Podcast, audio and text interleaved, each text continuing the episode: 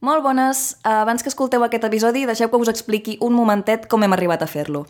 Resulta que nosaltres tenim un company que es diu Toritaka Tokumei, que ja havia col·laborat amb Verícid Sulfúric, de fet, a la primera temporada, amb Arxius Terrestres. Van fer una petita adaptació d'un relat seu. Però ens havíem quedat una mica amb les ganes de dedicar-li tot un episodi a un dels relats d'en Toritaka. Així que, quan vam córrer els seus braços a proposar-li la col·laboració, ell va ser molt generós, ens va fer un catàleg sencer de relats que podíem adaptar, entre els quals hi havia el que sentireu avui. Totes les paraules volen. Totes les paraules volen és ni més ni menys que el primer relat d'un llibre que en Toritaka publicarà si tot va bé aquest any. El llibre es diu Companyes de pis i, de fet, encara no tenim certesa editorial, així que no el podem promocionar molt més, però res, agrair-li moltíssim a en Toritaka que ens hagi deixat fer aquesta adaptació i dir-vos a vosaltres que estigueu atents a les millors llibreries per córrer a llegir Companyes de pis quan surti. I ja us en informarem nosaltres també. Moltes gràcies!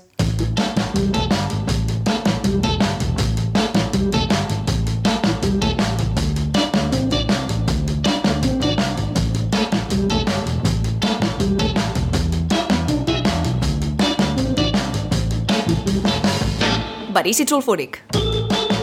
Avui a Verícid sulfúric, totes les paraules volen. Adaptació del relat homònim de Toritaka Tokumei. Amb Anna Ferrer Albertí com a protagonista, Oriol Fages com a inquisidor, Laia Garcia com a Ariadna, Clara Esbarce com a Clara, Pau Pérez com a Lluc i la col·laboració breu però estel·lar de Laura Monedero, o sea yo para serviros a vosotros, a ustedes, como a Laura.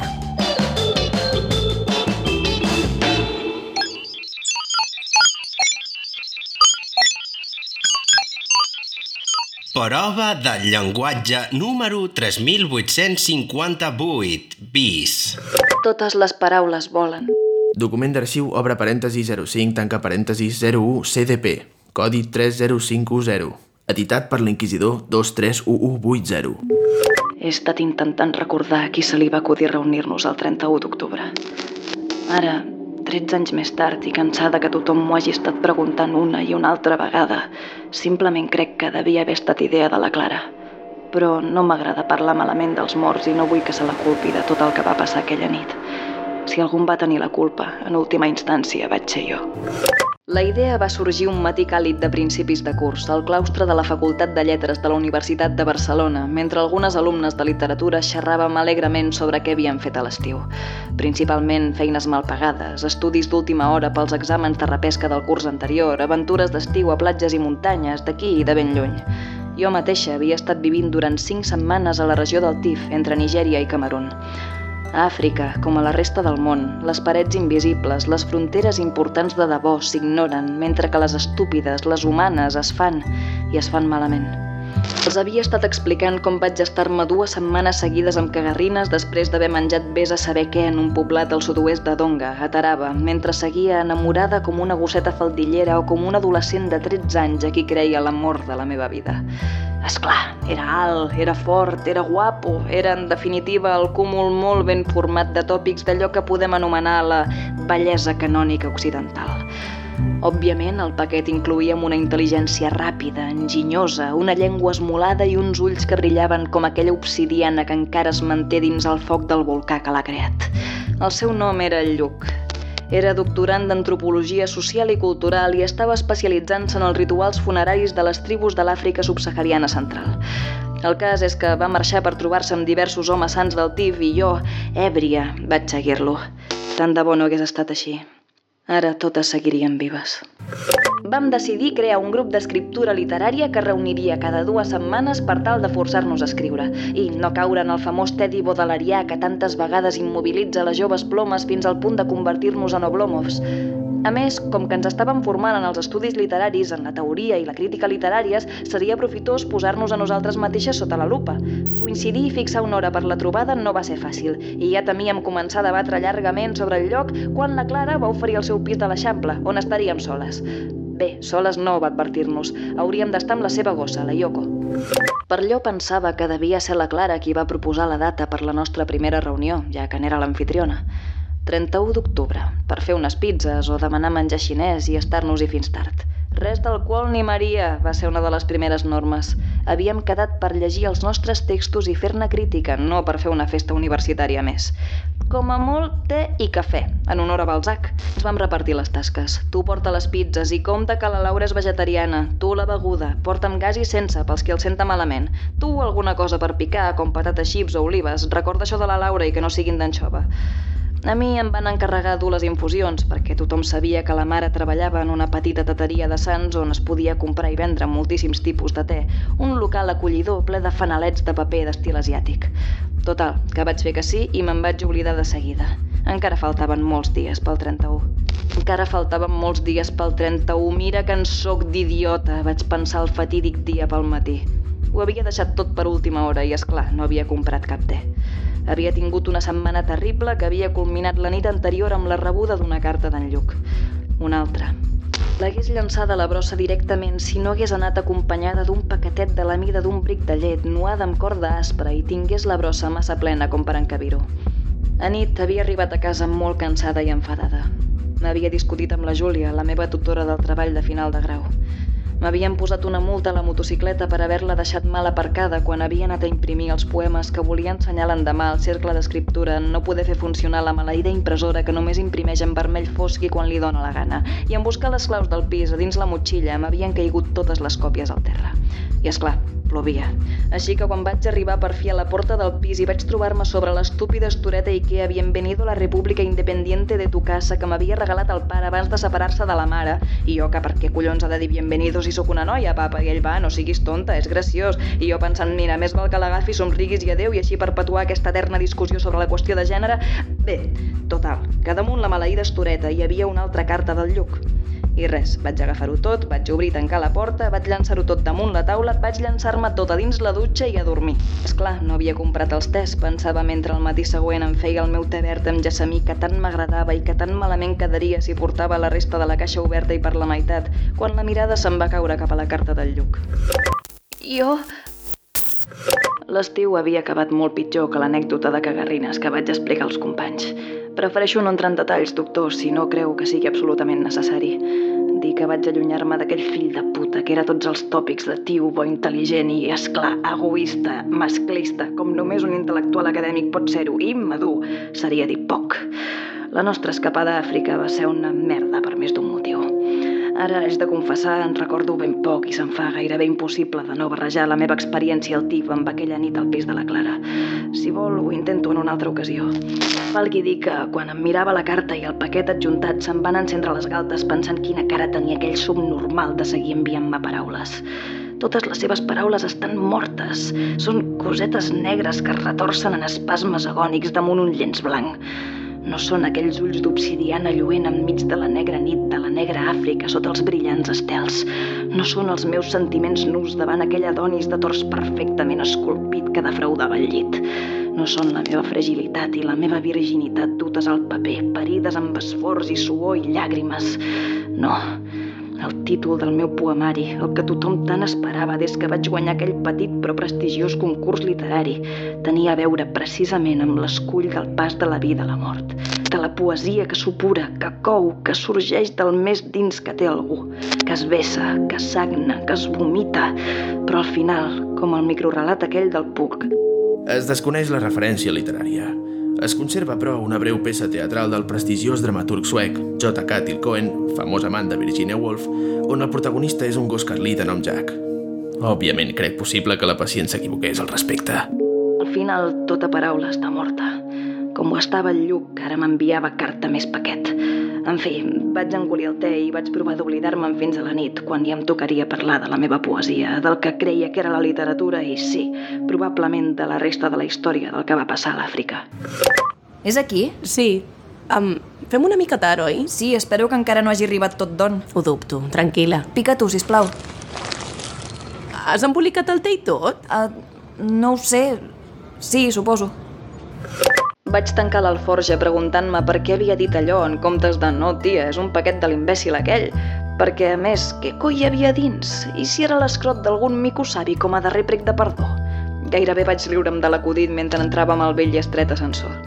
Mec, no, no, crec que hauríem de posar primer la vegetal per la Laura i que així no s'hagi d'esperar fins l'última pizza per poder menjar alguna cosa, no? No, perquè llavors... Mec, no has fet mec? Què? Mec, tia, no te'n recordes? Així no ens tallem i mantenim l'ordre. Minimec, però això no era només per quan parlem de les nostres obres? Mec contundent. Però si comencem a utilitzar-lo ja, segur que després serà més fàcil per totes. Mec, on són les patates? Així les anem obrint i la Laura pot picar mentre fem la quatre formatges, que és la que vol tothom, no? Mec indiferent. Feu el que vulgueu, jo me'n vaig a fumar fora amb la Yoko. Bub no és mec, tonta. Mec, ho fes. Ep, no insultis a la meva gossa. Perdona, perdona. Mec, ei, aquest paquet qui l'ha dut? Ep, perdona, és meu. Mm, Mec, ep, perdona, és meu. Contenta? mec afirmatiu. Mec, ets idiota. Mec satisfet. Mec, va, prou. L'has dut tu, doncs? És el te? Ho dic per posar-lo amb els cafès. Um, Sí o què? per dir si haig de fer mec, també? Mec afirmatiu. Mec, d'acord, sí, és meu, però encara no... Mec, tia, com mola, quina bona olor que fa. I aquesta bosseta? Hòstia, que bé que ho presenta, no, la teva mare? Hauré d'anar allà a comprar-li te, que m'encanta aquest rotllo. Mec, uh, sí, sí. Mec, és té negre tipus Black Blend o és Roibos? Ho dic pel color. Sí, ara que ho veig devia anar així, probablement. Els medicaments em fan difícil pensar, per això he trigat tant a poder lligar amb corda aspra tot el que recordo i escriure-ho. Cap d'aquestes entrades ha estat escrita. Totes van ser enregistrades durant les converses amb els diferents especialistes que van tractar la pacient durant els 51 anys que va durar la investigació. Quant temps ha passat? Déu meu, ja tinc els cabells blancs. En fi, sé que vaig al·lucinar quan, contra tot pronòstic, l'imbècil del Lluc havia posat te dins d'aquell paquet. Potser aquella miserable sort que havia tingut tota la setmana havia acabat per fi. Ara sé que no, que només feia just que començar, però semblava una casualitat tan oportuna. Tu vam mostrar-nos les nostres paraules amb diferents graus de nuesa, tímidament, orgullosament, amb la mirada de guàrdia alta o baixa, amb por o esperança, amb aquell pudor més o menys desvergonyit dels que comparteixen llit per primera vegada, amb la recança i el desconeixement de saber què agradarà més o menys, què serà un encert, què un error i què quelcom sense la importància que nosaltres li havíem donat. Vam acaronar-nos les paraules, ara amb fermesa, ara amb suavitat, gentils i decidides alhora. I, si bé al principi els mecs van semblar impostats, després es van succeir amb tota naturalitat, marcant el ritme dels nostres moviments de manera gairebé líquida. Després vam sortir a fumar fora de la tenda. Els estels brillaven d'una manera com no havia vist mai. La lluna era enorme i se'm va fer estrany no sentir res tret del vent entre la sabana. Lluny va semblar-me endevinar el rugir entre somnis d'una lleona. En Lluc em va agafar de la mà i va somriure. Mai he estat tan feliç. Hauria d'haver anat així, i durant segles ho he preferit en comptes d'acceptar el que de debò va passar. Em recorda la sensació d'aquell petit text d'una autora francesa no gaire coneguda aquí, l'Hélène de Jules, que vaig arribar a traduir i publicar al fanzine O quan feia segon de carrera. Probablement es refereix a un fragment de l'obra L'home vaga, de l'enigmàtica escriptora i teòrica feminista de finals del segle XX. Es té constància que la traducció de l'obra al castellà fou publicada el 2036. La francesa s'ha perdut. Es conserva, és clar, l'edició de O, tot i que es dubta de concedir l'autoria a la pacient. Bé, crec que ja estic preparada per explicar-ho. Per desgràcia, crec que hi he despertat fa temps. Se m'ha passat la ressaca i he pogut anar reunint la majoria de peces i reconstruir aquella nit, aquell 31 d'octubre. Oi? Sigui com sigui, no em veig amb forces de fer més i espero que les meves paraules siguin suficients com per satisfer-la, doctora, i els familiars de les víctimes. Encara són vius? La resta, la frívola sentència dels tribunals, no m'importa. El meu destí va quedar segellat en el moment en què vam obrir aquell paquet que el Lluc havia enviat. Potser fins i tot abans, quan vaig escriure aquell poemari. Vam sopar entre rialles i anècdotes de la setmana, sobretot de la facultat, de classes, companys i professors, del maleït treball de final de grau.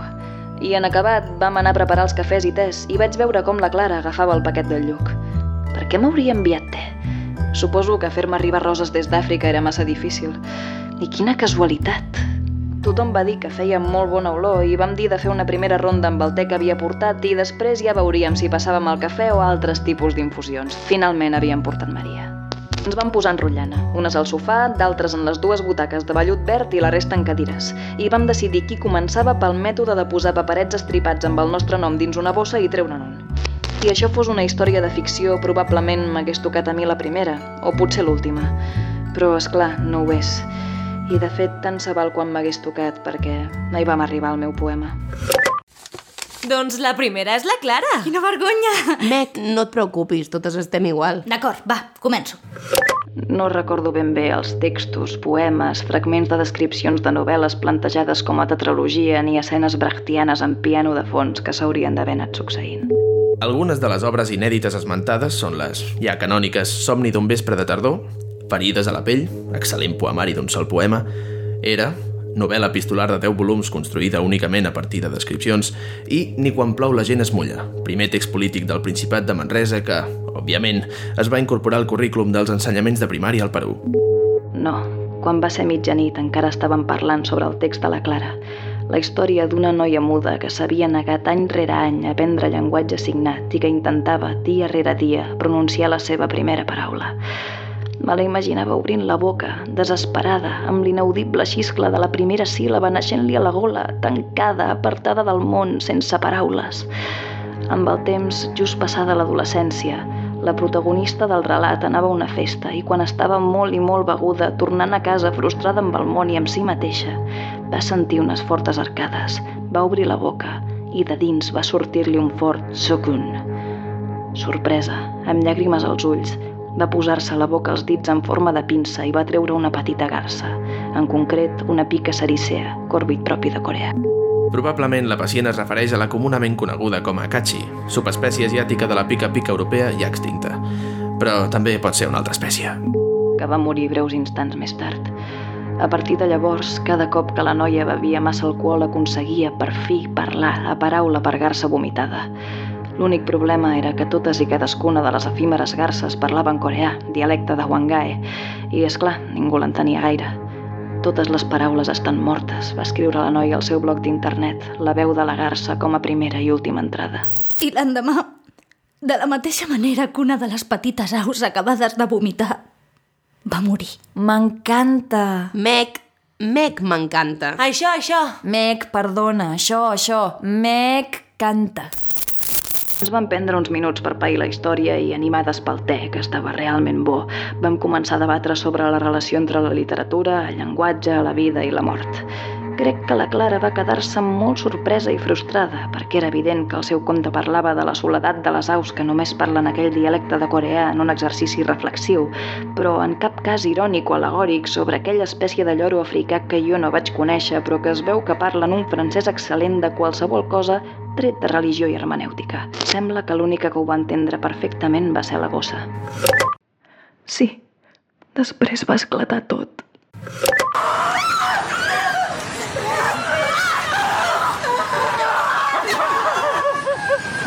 Gràcies a l'implant neuronal MindView TM model 2018, disposem de la gravació d'una sèrie d'imatges en les quals es poden veure diversos assassinats comesos durant aquella reunió.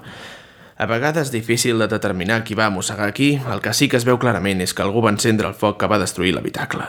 Per desgràcia, però, l'últim reproductor de ciberòptic Grolevit TM ha estat deshabilitat fa dos cicles per evitar possibles induccions a la piromania. Valgui aquesta nota com a prova processal notariada segons el reglament inquisitorial 451-2027. La carta diu... no ho sé. Durant la investigació es va recuperar aquesta carta en greu estat de conservació degut a l'incendi. S'adjunta la transcripció recuperada via estèreo sota apèndix 1. De la mateixa manera que no recordo com ni per què vaig posar el paquet d'herbes dins l'alforja de la moto, tampoc sé què vaig fer de la carta.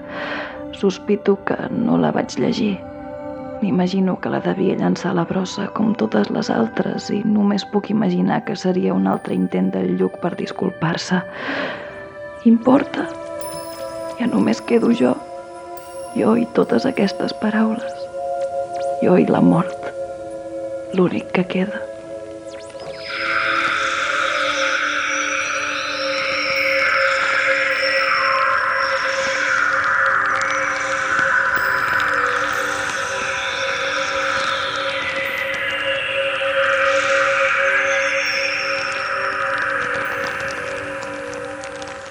Tant de bo pogués vomitar un ocell. Apèndix 1. Estimat, lamento que tot acabés com va fer-ho. Vaig comportar-me de manera molt injusta i egoista, pensant només en l'oportunitat que se m'obria i no en com t'afectaria a tu. Com ens afectaria a nosaltres? Espero que vulguis que puguem parlar-ne aviat. Però aquest cop no t'escric només per això. Tinc problemes, seriosos problemes. El govern nigerià cada cop està més a sobre meu i no sé quant temps tindré per... i enllestir les meves investigacions. El poblat va ser arrasat fa dues nits i els que vam sobreviure no sabem gaire què va passar després. Prou feina sé què va passar abans. Però no vull anar-me'n gaire. És important que...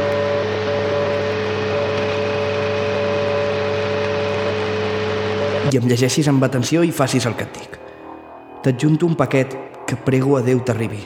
He hagut d'utilitzar tots els favors per fer-te-la secretament, sense segells ni adreces, gràcies a la ONG del mossèn que vam conèixer només arribar. El recordes? L'important és que no obris el paquet i el portis directament al doctor Gas, bioquímic del... Digue-li literalment que... Només pot ser això. No el vagis a buscar a la facultat directament, però has de ser molt discreta. És una qüestió de vida o mort. Tinc la sospita que, més enllà dels mites dels tip, aquest arbust té propietats neuroquímiques extraordinàries que permetran... Eh, perdona, no em facis cas, que desvariejo. Però porta-li aquest paquet al doctor Gas, si plau. Ets la meva última esperança. A tu no et coneix ningú. Pocs et van veure i la majoria et confondrien fàcilment amb... Bé, ja saps, amb la Tana. La Tana... Perdona. Perdona'm per tot. La Tana és morta. Com tothom. Com... Tenies raó. Tenies raó.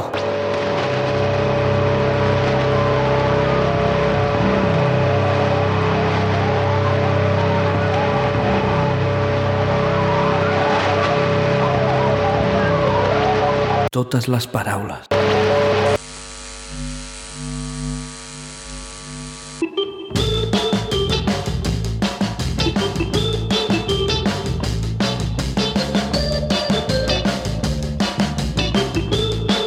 Gràcies per escoltar Verícid Sulfúric. Pots trobar totes les novetats a vericidsulfúric.com i a Facebook i a Twitter sota el nom de Verícid Sulfúric.